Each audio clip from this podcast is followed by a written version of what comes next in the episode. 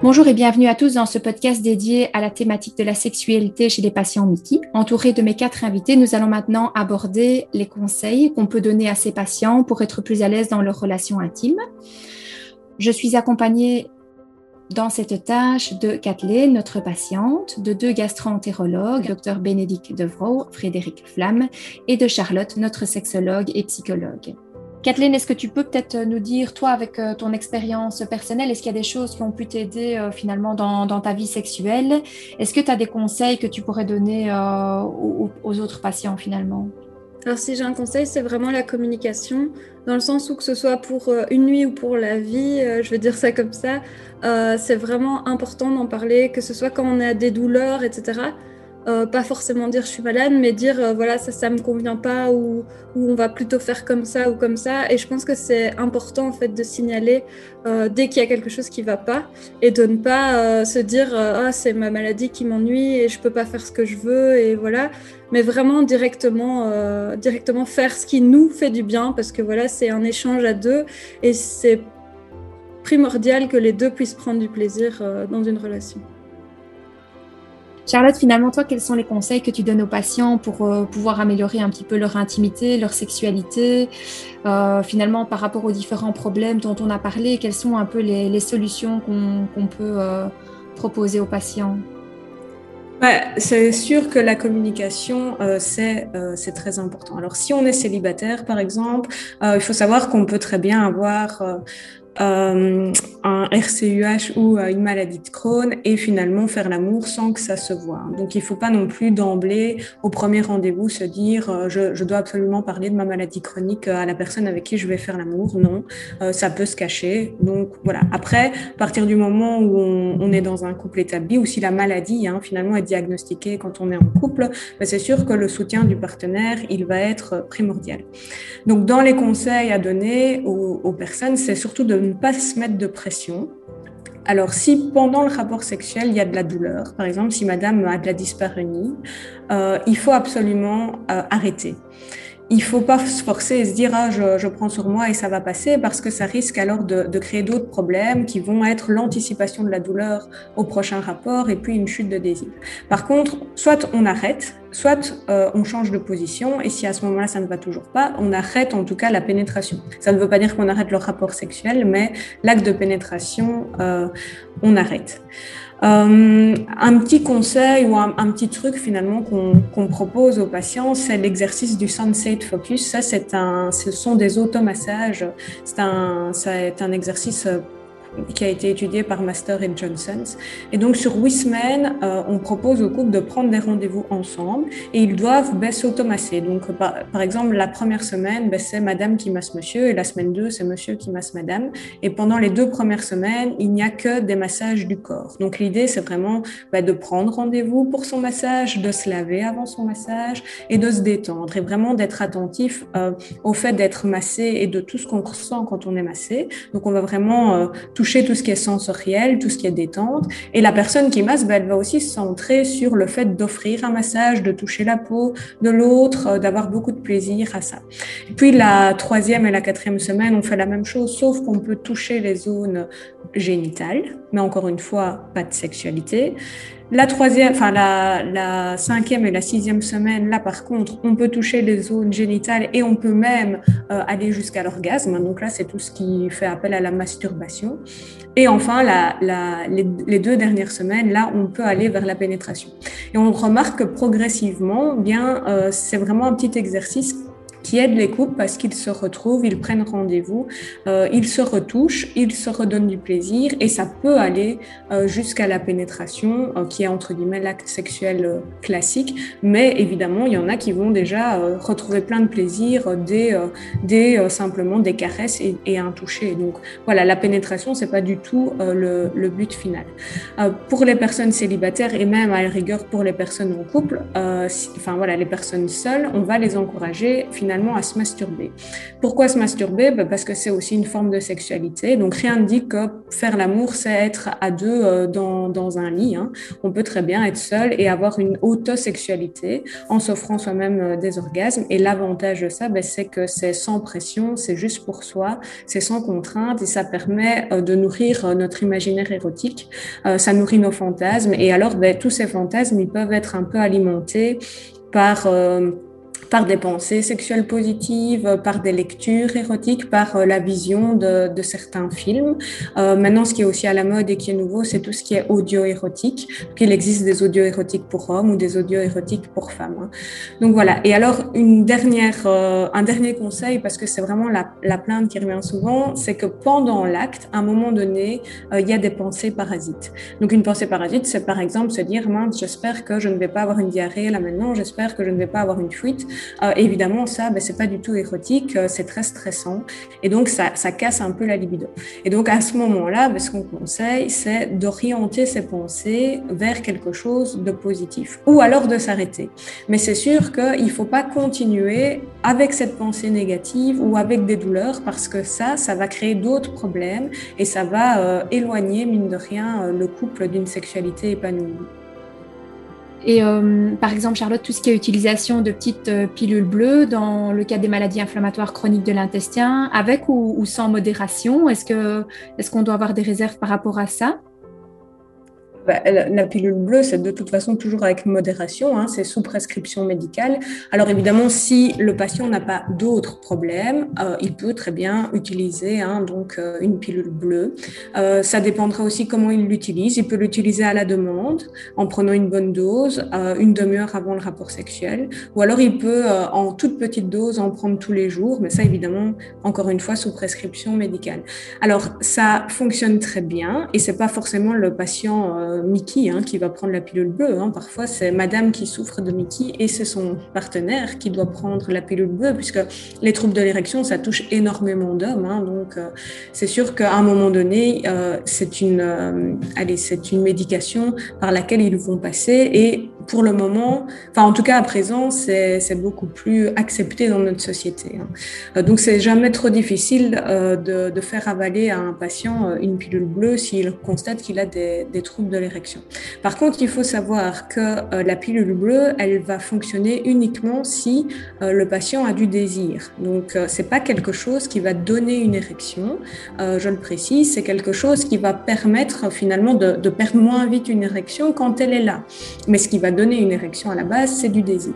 Donc parfois la pilule bleue, c'est pas non plus la solution euh, à l'érection. Euh, si on prend une pilule bleue et qu'on constate qu'il n'y a pas d'érection, c'est que le problème, c'est plutôt un problème de désir. Donc voilà, le traitement sera, sera différent, mais je préfère quand même le, le souligner parce que c'est une fausse croyance euh, qui est fort véhiculée et qui revient souvent en consultation. Merci. Et alors, par rapport à tout ce qui est problème de, l'image de soi, finalement, qui est peut-être l'obstacle premier, même pour euh, commencer un rapport ou une relation, quels sont les conseils que tu, que tu donnes, toi, aux patients, euh, Charlotte? Ben, Là encore, on, on constate qu'à partir du moment où on a accepté sa maladie, eh bien, on accepte aussi que son corps peut être marqué, on accepte certaines cicatrices, euh, on accepte de s'aimer comme on est finalement et on fait avec. Euh, donc voilà, ça c'est une des premières étapes en psychologie, c'est de travailler sur l'acceptation de la maladie. Euh, par exemple, un, un, petit truc qui marche bien pour accepter, entre guillemets, c'est de se complimenter et de faire un peu son auto-louange. Donc un exercice que je propose à mes patients, c'est de d'énumérer euh, toute une liste de, euh, allez, qualités, autant physiques que morales, euh, que la personne peut avoir et de vraiment se la répéter. D'abord seule devant la glace. Et ensuite, et c'est là où ça devient plus difficile, mais c'est là où ça devient euh, plus bénéfique, c'est d'arriver à, à, faire cette auto-louange euh, devant une personne en qui on a confiance. Et c'est vrai que là encore, euh, ben, que ce soit un ami, une amie, un membre de la famille ou le partenaire, mais c'est vrai que le, le, partenaire, il a un rôle essentiel. Hein, le conjoint va vraiment pouvoir euh, soutenir la confiance en soi. Euh, et donc, c'est vrai que l'attitude du conjoint, quand l'autre répète son auto-louange, ben, va va pouvoir être bénéfique. Donc voilà, ça c'est un petit truc que, je, que je propose souvent aux patients pour accepter de s'aimer comme on est. Et je leur dis souvent, apprenez à arroser les fleurs et arrêtez d'arroser les mauvaises herbes. Ça, c'est un, un petit adage qui les, qui les fait souvent rire. Merci Charlotte. Je vais peut-être me tourner juste vers les deux gastro-entérologues. Bénédicte, est-ce qu'il y a par exemple d'autres conseils que tu donnes euh, aux patients pour pouvoir euh, améliorer un peu cette dysfonction sexuelle en fonction des, problèmes spécifiques que les patients peuvent euh, te rapporter? Oui, il y a toujours quelques petits trucs, un peu des trucs et astuces, comme, disait Charlotte. Déjà, simplement, bah, le fait de penser à passer aux toilettes avant d'aller vers son partenaire. Parce que c'est pas au moment où le désir euh, s'installe qu'il faut se rendre compte qu'on a peut-être besoin d'aller aux toilettes avant et de pouvoir être plus à l'aise comme ça. Donc ça paraît débile comme, euh, comme conseil, mais ça résout parfois beaucoup de craintes aussi. Euh, c'est le fait évidemment de choisir les bons moments, peut-être pas en pleine poussée, peut-être pas quand on n'est pas bien, mais ça spontanément les, patients vont, un petit peu freiner leur, activité à ce moment-là. Et, je pense que c'est vraiment aussi je reviens un peu plus sur le, principe du rendez-vous. Euh, même si c'est parfois peut-être plus difficile à accepter, euh, voilà, si, le conjoint est très demandeur ou, si on privilégie plus la, spontanéité, mais je pense que vraiment pour que ça se passe au mieux, il faut que les patients puissent être, euh, puissent être prêts. Et donc, voilà, j'insiste sur le fait d'en parler à deux et de, d'exprimer un petit peu les, peurs et, le principe de ce rendez-vous qui généralement fonctionne quand même pas mal. Euh, moi, je constate aussi en consultation que les, femmes parlent plus facilement de, ces sujets-là que, que les hommes. Alors peut-être c'est parce que je suis une femme, c'est possible aussi. Mais j'ai souvent l'impression que les hommes, quand ils en parlent, ils commencent par s'excuser de poser la question et de voir si on peut peut-être euh, peut-être les aider. Et je crois que c'est super important de dédramatiser aussi euh, le fait de poser des questions, parce que voilà, c'est sûr qu'on n'a pas toutes les réponses, mais on est entouré de bonnes équipes. Euh, et, voilà, si nous, comme gastro, on n'a pas toujours la solution pour tout, mais on a peut-être des contacts ou des personnes qui peuvent aider. Et je crois que ça, c'est aussi important, c'est de pouvoir s'exprimer et de ne pas avoir peur de s'exprimer. Voilà, on ne va jamais rejeter les questions. Si on n'a pas la réponse, je pense qu'on va essayer tous d'avoir l'humilité de le dire et de référer. Euh, vers des personnes comme Charlotte, vers un, gynécologue quand il y a des soucis plus, spécifiques ou vers un, urologue. Donc voilà, je crois que c'est vraiment la parole dédramatisée et peut-être fonctionner avec le système des, rendez-vous. Merci Bénédicte. Et toi Frédéric, est-ce que dans ton expérience, tu as des conseils que tu peux donner aux patients pour euh, améliorer un peu cette euh, dysfonction sexuelle en fonction finalement des problèmes que les patients t'ont déjà rapportés? Alors, des conseils à proprement parler, ben, jusqu'à présent, je me suis abstenu d'en donner parce que je ne me sens peut-être pas euh, vraiment la personne la plus pertinente pour le faire. Donc, j'aurais plutôt tendance à orienter, euh, euh, si c'est une femme, vers un gynécologue et un peu historiquement vers un urologue pour les dysfonctions érectiles chez les, hommes. Après, les questions qui reviennent plus souvent sont des, questions pratiques, les patients, quand ils viennent, c'est qu'ils ne sont pas bien. Donc, ce à quoi je suis très attentif, c'est d'essayer d'être certain que le traitement qui leur est appliqué, qu'il soit médicamenteux ou qu'il doive devenir chirurgical, est, vraiment le bon traitement et que ces patients ne sous-estiment pas leur plainte. Parce que ça, c'est un, grand problème dans les maladies inflammatoires intestinales et je pense que Bénédicte euh, va pouvoir confirmer, c'est que les patients euh, sont très vite satisfaits quand ils vont un peu mieux. Et finalement, ils se complaisent dans, des situations qui, pour nous, et euh, avec les outils qu'on a maintenant, comme euh, je reviens sur l'IBD disques, mais euh, peut-être aussi sur des, la calprotectine, les analyses sanguines, on est parfois, même moi je suis très souvent étonné que les patients ont des, des, endoscopies qui sont vraiment très mauvaises, des analyses sanguines sont très mauvaises, et puis quand on creuse, on se rend compte qu'ils vont quand même pas bien. Et donc, moi, mon, rôle, ce que j'estime comme mon rôle de gastroentérologue principal, c'est d'être certain qu'à ce niveau-là, on n'ait pas loupé quelque chose, parce qu'après, ça a forcément des répercussions sur l'état de santé des patients, sur leur fatigue. Euh, ils se avec de la fatigue qui est liée à de l'anémie, euh, qu'on n'arrive pas à corriger. Et je crois que si on arrive vraiment à, bien traiter les patients à ce niveau-là, notre rôle de gastro-entérologue, et après c'est à nous d'écouter les, plaintes et d'être euh, plus pertinent sur tous ces sujets, comme le sujet d'aujourd'hui, et de les orienter correctement. Mais en tant que conseilleur euh, de la sexualité, je ne me sens pas, euh, à ce moment-ci en tout cas, à même de le faire correctement, et j'orienterai plutôt mes patients vers des, des hyper spécialistes. Et donc peut-être une question, c'est que finalement on se rend compte que chez pas, pas mal de patients, euh, de nos patients Mickey qui sont en rémission, il y a quand même toute une fatigue résiduelle. Euh, finalement, c'est un obstacle, on en a parlé. Quels sont les conseils qu'on peut donner quand on a euh, une fatigue et des problèmes de libido qui sont possiblement aussi en lien avec cette fatigue? Charlotte, qu'est-ce que tu en penses ben, voilà, cette fatigue, elle est, elle est réelle, elle est lourde et euh, elle est, euh, c'est vraiment un antagoniste hein, du, du, plaisir sexuel. Hein. Donc, quand on est fatigué, on n'a pas envie et ça, c'est valable pour tout le monde. Euh, donc, il va falloir finalement identifier euh, dans la journée ou dans les périodes, hein, finalement, euh, quand on est moins fatigué ou quand on est plus reposé.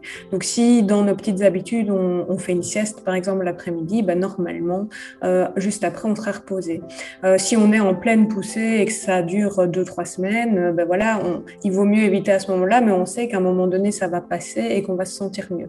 Donc, euh, c'est de pouvoir identifier les périodes de notre vie ou les périodes de notre journée où on est euh, le plus reposé et d'où l'importance des rendez-vous, c'est de pouvoir dire à son partenaire, voilà, le soir dans un lit, c'est peut-être pas le meilleur moment pour faire l'amour, mais ça peut très bien être en plein milieu de l'après-midi dans le salon parce qu'à ce moment-là, euh, on est tout seul à la maison et, euh, qu'on est en forme. Et euh, voilà.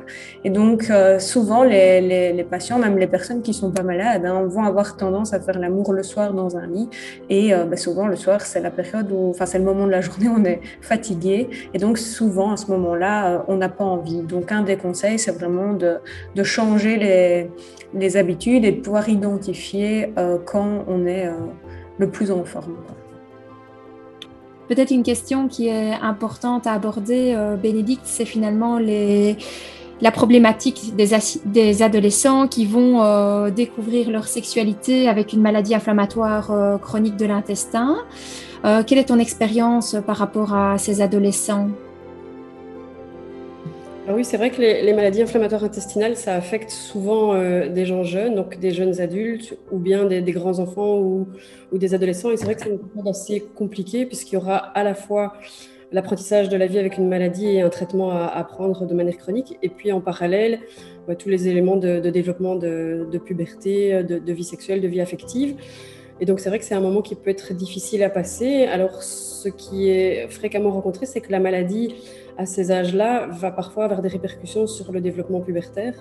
Et donc, euh, on peut avoir un retard de, développement des caractères sexuels lié au fait que le corps utilise son énergie pour lutter contre la maladie et, du coup prend un décalage au niveau de, la croissance. Et puis par ailleurs, parfois certains médicaments, notamment voilà, euh, certains médicaments qu'on prend en crise, peuvent aussi avoir des effets sur, euh, sur la croissance à cet âge-là. Et donc, ce qu'il va falloir faire, c'est surtout rassurer ces, jeunes enfants, et ces grands-enfants et ces ados en leur disant que finalement, ils finiront toujours par développer leur caractère sexuel. C'est juste une question de temps, mais ça finira par arriver. Donc c'est vrai que les, ados à cet âge-là, à l'école, ils se comparent entre eux, euh, ils discutent de leurs premières expériences, et donc ça peut être parfois mal vécu par l'enfant ou l'ado qui est un petit peu euh, en retard donc c'est important de pouvoir en parler, nous comme médecins, en les rassurant sur le fait que, ça va aller mieux. Et puis eux aussi peut-être de pouvoir aborder le sujet avec les parents ou avec les, avec les copains. Et à ce niveau-là aussi, je pense que notre rôle comme gastro, c'est de bien insister chez les ados sur l'importance de prendre leur traitement et de suivre leur traitement parce qu'on sait tous que euh, voilà, c'est un âge un petit peu difficile on peut parfois être un peu dans la, dans la rébellion et donc avoir envie d'arrêter quand, quand, on va mieux et se demander bah, pourquoi je dois prendre tout ça alors que, que j'en ai pas envie. Mais ces médicaments-là, ça va les aider à pouvoir calmer la maladie et une fois que la maladie est calmée, à pouvoir reprendre un développement normal et une vie la plus normale possible. Et donc voilà, c'est important d'insister à cette période charnière-là encore plus sur l'importance de, de, la compliance et du suivi du, du, traitement, même si on est parfois un petit peu découragé. Charlotte, tu as as des adolescents dans ta patientèle qui viennent te voir avec euh, ce type de, de problème?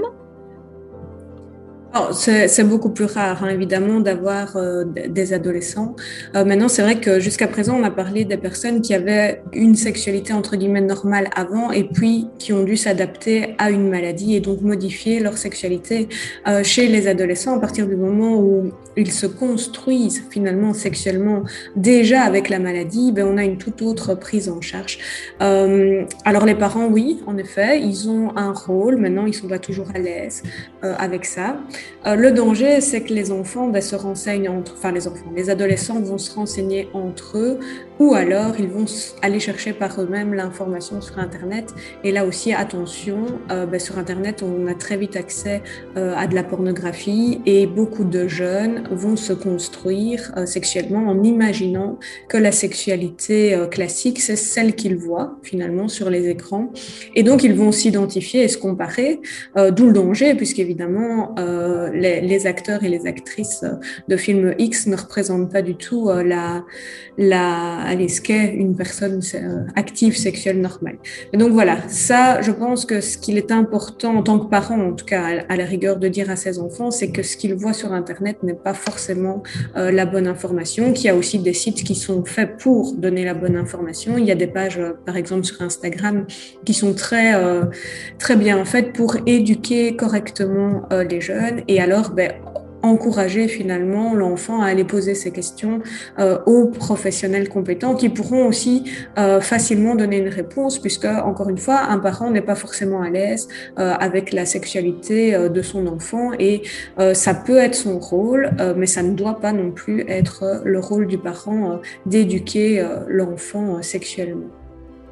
Merci beaucoup.